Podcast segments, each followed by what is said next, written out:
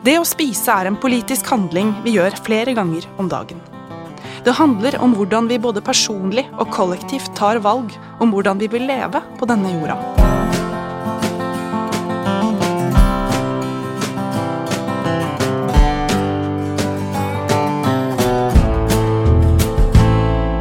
Denne kronikken står på trykk i Ren mat nummer 48. Den er skrevet og lest inn av Kjersti Skar Storvik. Opp i frø. Skal jeg velge ett ord for å beskrive mine beste- og oldeforeldres liv, må det bli sjølberging. På de tre målene som utgjør eiendommen vår utenfor Hamar, utnyttet de hver kvadratmeter av den fruktbare stangjorda. Potet, gulrot, kålrot, kål, purre, nepe og krydderurter. 20 epletrær, noen griser og høner. Under krigen og i årene etter brukte man plassen man hadde tilgjengelig for å dyrke selv.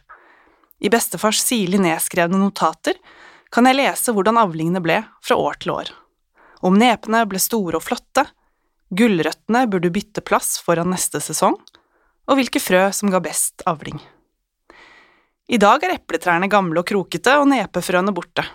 Med barn og full jobb har jeg nok med å beskjære frukttrærne og klippe gresset innimellom alle hverdagens gjøremål tolv mil lenger sør. Jeg holder liv i rabarbra og krydderurter, men kjenner på et voksende ønske om å dyrke mer. Som redaktør i et mat- og landbruksmagasin blir det noe ironisk med å tilbringe flere dager på et kontor enn med fingrene i jorda. Med krig i Europa og koronakrisen friskt i minne har mange av oss i dag en større erkjennelse av hvor viktig matsikkerhet og beredskap er enn for bare få år siden. Matsikkerhet handler om mer enn kornlagre og frøhvelv. Bevaring av frø er ikke så mye verdt om de ikke er i bruk. De frøene som bevares i genbankene vil ikke tilpasse seg nye forhold, sier Linn Borgen Nilsen ved Norsk genressurssenter, NIBIO. Frø i frøbanker blir statiske, de mister tilpasning, seleksjon og lokale egenskaper som sorter utvikler over tid. Når et frø bevares, er det jo nettopp fordi de har en spesiell historie, lokalitet og egenskaper som har oppstått gjennom mange års tilpasning på bestemte steder under bestemte betingelser. Vi trenger derfor både frøhvelv, aktive genbanker og bevaring i åkeren. Og vi behøver mer regional frøproduksjon. Sikrer vi bruken av lokale kulturvekster og robuste sorter som tåler et klima i endring og gjør mangfoldet av det vi dyrker og spiser, stort, har vi det beste utgangspunktet for fremtiden. Men med den ensrettingen vi har sett i matproduksjonen de siste 50 årene, har mye genetisk diversitet gått tapt. Noen mener vi står foran den sjette masseutryddelsen. Det høres dramatisk ut, og er også det. Valgene vi nå tar, vil ha stor innvirkning på hva våre barn og barnebarn har muligheten til å produsere og spise. Ifølge FN truer menneskelig aktivitet eksistensen til en million arter. 2752 av dem i Norge. Utryddelsen skjer i dag i et tempo mellom 10 og 100 000 ganger fortere enn noensinne. På verdensbasis stammer nå 75% av all matproduksjon fra bare syv kulturvekster hvete, ris, mais, soya, palmeolje, bygg og sukkerrør. Når vi gjør matproduksjonen snever og sårbar, får det konsekvenser for mange samfunnsområder. Det påvirker matsikkerheten og beredskapen lokalt, og det gjør jobben vanskeligere for bønder og andre matprodusenter. Utviklingsland er spesielt utsatt. Sosial og politisk uro, militære konflikter og migrasjon er plausible følger av å ikke ha tilgang på robuste lokale frø til et mangfold av vekster. Patenterte frø fra internasjonale storselskaper gjør verdens småbønder til leilendinger med tiltagende svikt i avlingene som følge av at frøene ikke er tilpasset forholdene hvor maten dyrkes. Gevinsten ender hos investeringsfond, som ser større fordeler av å produsere én sort mais på markedet enn mange. I et klima i endring med tørke, uforutsigbar regntid, frost og temperaturøkninger som gir avlingstap, mindre mat på bordet og usikker fremtid for verdens småbønder, er et mangfold av planter og husdyrraser helt avgjørende. Den innsikten vi får av å sette oss inn i hvordan ting fungerer i landbruket i dag, er sentral for å kunne bidra til et rettferdig, gjennomsiktig og resilient matsystem. Slikt system baseres ikke bare på å bevare naturlige økosystemer med så mange arter som mulig, det er også demokratisk, i den forstand at det gir bønder og matprodusenter muligheten til selv å ta kontroll over flere ledd i verdikjeden. Kanaler for direktehandel er et eksempel på dette. Ny teknologi muliggjør at en risbonde på den rurale landsbygda i Kina kan selge den utrydningstruede risen sin til kunder på den andre siden av landet. Slike sosiale sikkerhetsnettverk virker som buffere mot klimatiske og økonomiske påvirkninger, som Edona Arnesen tidligere har skrevet i Ren mat. Det holder imidlertid ikke å være teknologioptimistisk. Dagens matsystem som berømmer volum og kvantitet, innskrenker mulighetene for en mangfoldig produksjon. Når du premieres for å drive frem mye av det samme fremfor litt av alt, skal du være rimelig sta, idealistisk og uredd for å satse på det motsatte. Kan du ikke levere nok og likt slik at dagligvarekjedene tjener på å ta inn varene, er muligheten for en stabil inntekt uforutsigbar.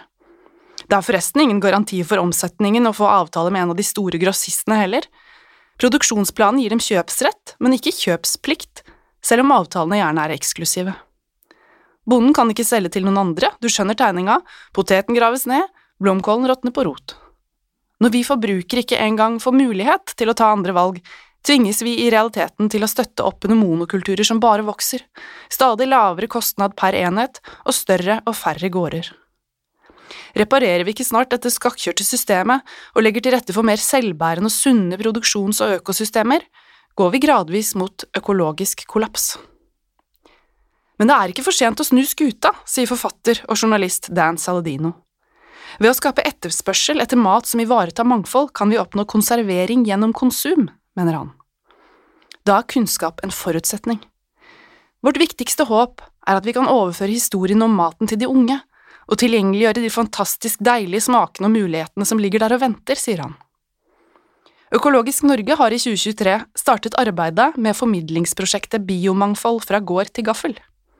Under slagordet Spis det, ikke mist det ønsker organisasjonen å inspirere barn og ungdom til å bevare biomangfoldet i naturen ved å etterspørre, tilberede, servere og spise det.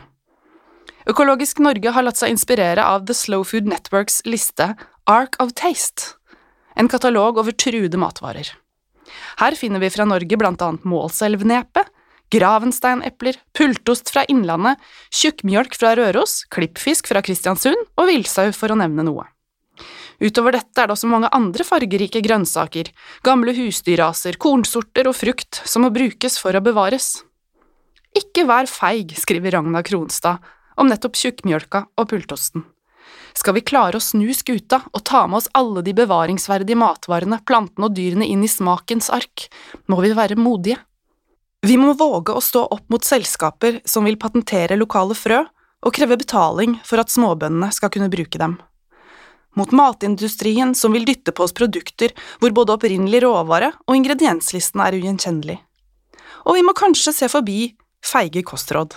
Uansett hva Gøran Hjelmeset, leder for Nasjonalt råd for ernæring, og komiteen bak de nye nordiske kostholdsanbefalingene mener om at det ennå ikke er nok vitenskapelig grunnlag for å hevde at vi bør begrense inntaket av ultraprosessert mat.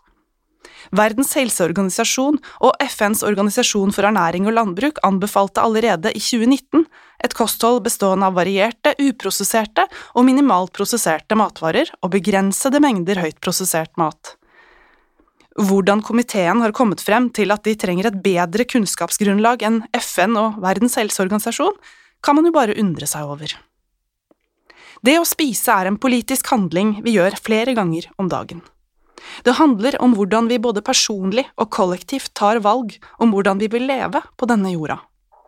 Det er kanskje, men burde ikke være, kontroversielt å påstå at det mest bærekraftige både for mennesker og for naturen er å dyrke og spise regnbuen av hel, ren mat fra robuste frø, såkorn og husdyrraser med varierte egenskaper. Utforsk matvarer du ikke har spist før. Kjøp grønnsaker fra bønder som dyrker uvanlige sorter.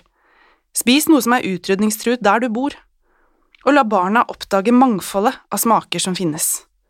Spiser vi biomangfoldig, bidrar vi til å bevare det biologiske mangfoldet både rundt oss og inni oss.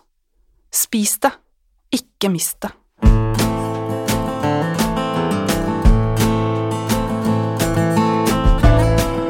Hvis du likte det du hørte, kan du gjerne gå inn på renmat.no og bli abonnent på papirmagasinet Renmat. Magasinet kommer ut hver sesong fire ganger i året. Du finner oss også på Instagram og Facebook.